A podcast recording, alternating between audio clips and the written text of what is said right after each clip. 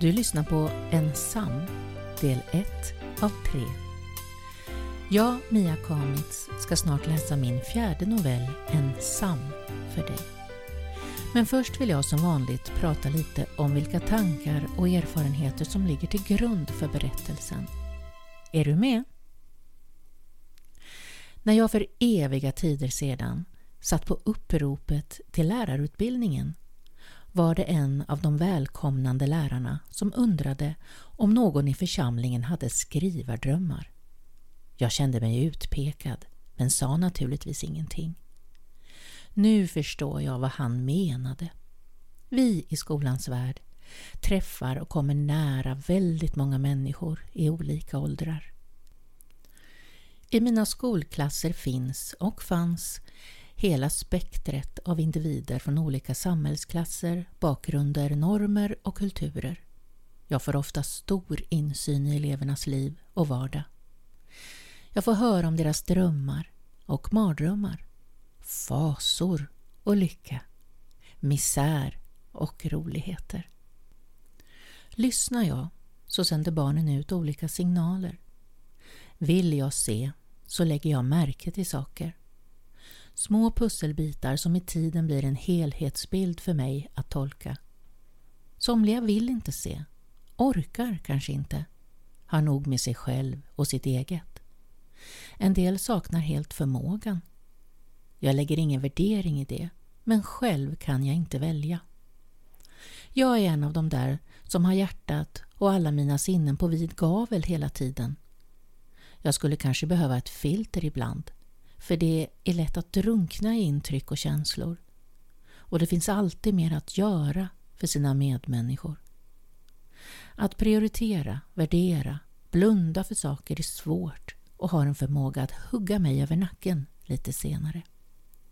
När jag ska försöka sova till exempel, då knattrar allt ouppklarat framför mina stängda ögon och påkallar uppmärksamhet.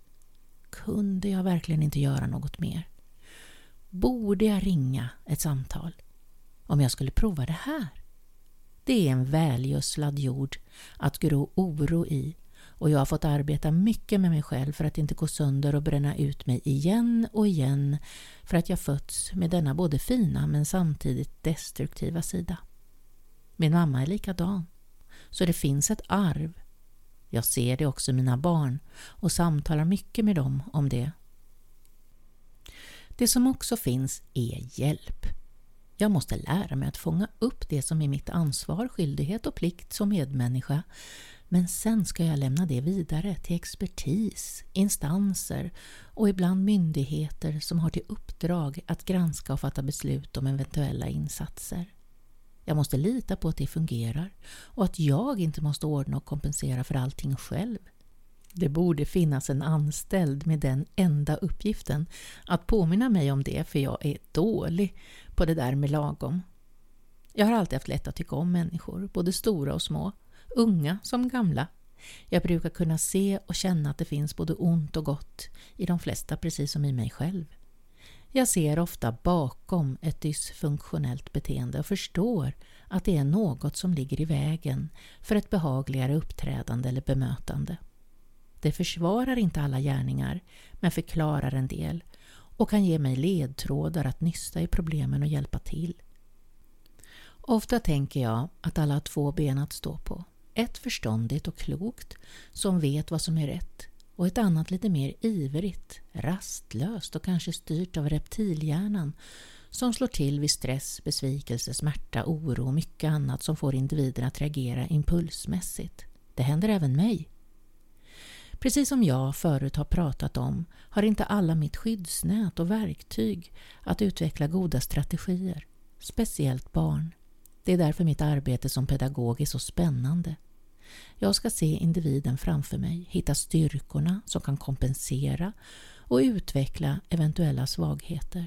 Jag ska vara inspirerande, drivande och uppmuntrande så den lilla oslipade diamanten jag har framför mig sakta men säkert börjar ta form och glänsa mer och mer. Att arbeta med självbild, självförtroende och självförmåga är inte alltid lätt.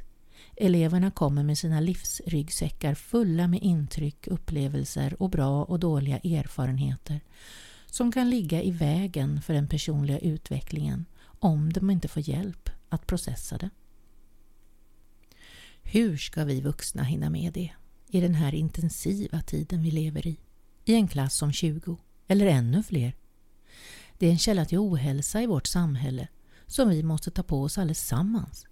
Det är svårt att peka ut en skyldig om det inte är övergrepp av något slag i botten men det bottnar ju också i något. Alla som får vara trygga, älskade och fått alla tänkbara basbehov uppfyllda i livet har sällan anledning att uppföra sig utanför ramen. När någon gömmer sig bakom bråk, regelbrott, trots eller bara blir en pajas indikerar det att någonting skaver och inte fungerar. Personen försöker dölja sin oförmåga. Henne är inte tillfreds och behöver hjälp. Det är ofta de som vi uppfattar som besvärliga som behöver mest kärlek och omsorg av alla. Ohälsan flyttar också med i tiden, över generationsgränserna och kan likt en snöbollseffekt eskalera. Jag kan inte ändra på världen och tempot och påfrestningarna som haglar över stora som små men jag kan vara en person med öppen famn. Jag kan göra skoldagen i mitt klassrum till en trygg borg där alla kan känna sig sedda och omtyckta några timmar varje dag. Jag kan vara en god förebild som står stadigt när det blåser och inte ryggar för de mörka moln som inte sällan tornar upp sig rakt över våra huvuden. Jag har ett väldigt stort golfparaply när jag spankulerar i regnet på skolgården. Plats för många att ta skydd under. Och jag går sällan ensam. Hör vad det smattrar.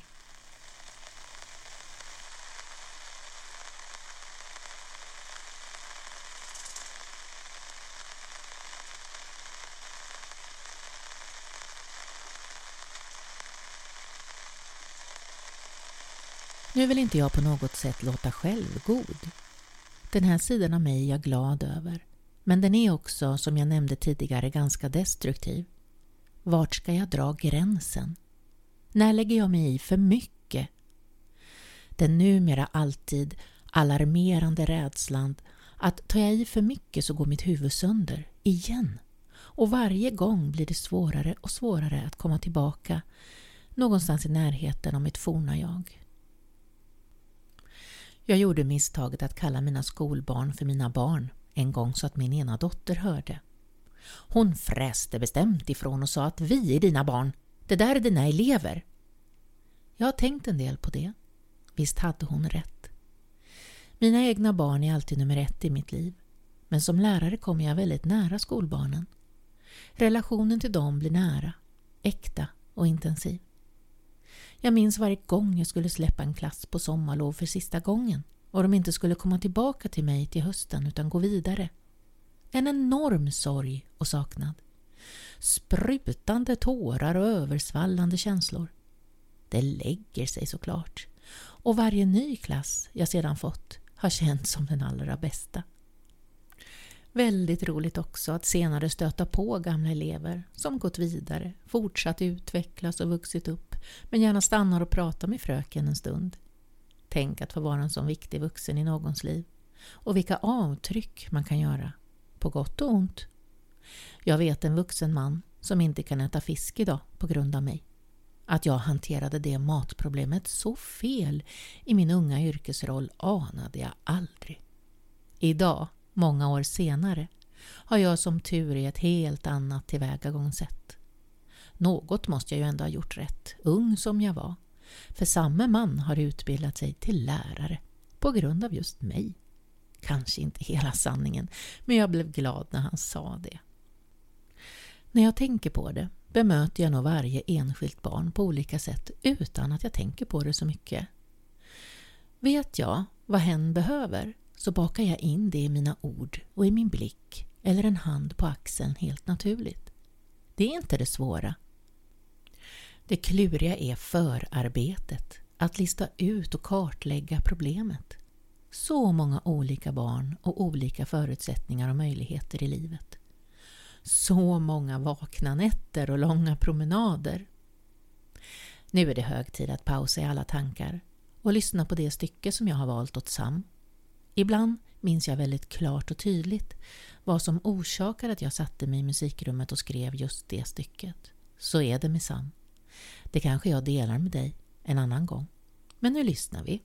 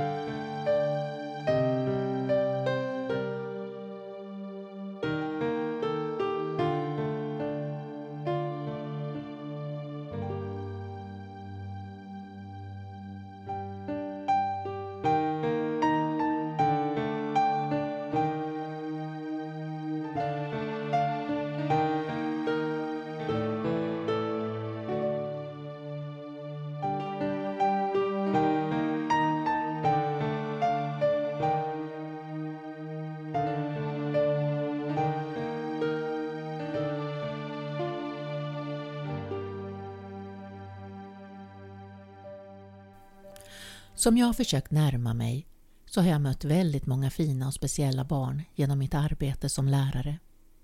Egenskaper och sätt som är unika för var och en och ibland har skapat oförglömliga spår i mig. När jag skriver så lånar jag såklart av allt jag sett och hört och upplevt till en ny mix som är alldeles sprungen ur fantasin men ändå känns väldigt sann för att det jag sammanfört var och ett för sig är just sant i mina ögon. Det är ingen idé att försöka spåra ursprunget, för jag ger och tar friskt. Men det var nog det där lektorn, eller vad han nu var, på introduktionsdagen på lärarlinjen menade. Jag har glömt honom, men inte hans ord. Jag får möjligheten att träffa ett enormt persongalleri att låna ifrån när jag sedan skriver mina noveller. Och varför skriver jag då? Jo, för att sortera mina egna tankar och hitta förhållningssätt till den värld jag lever i och drabbas av.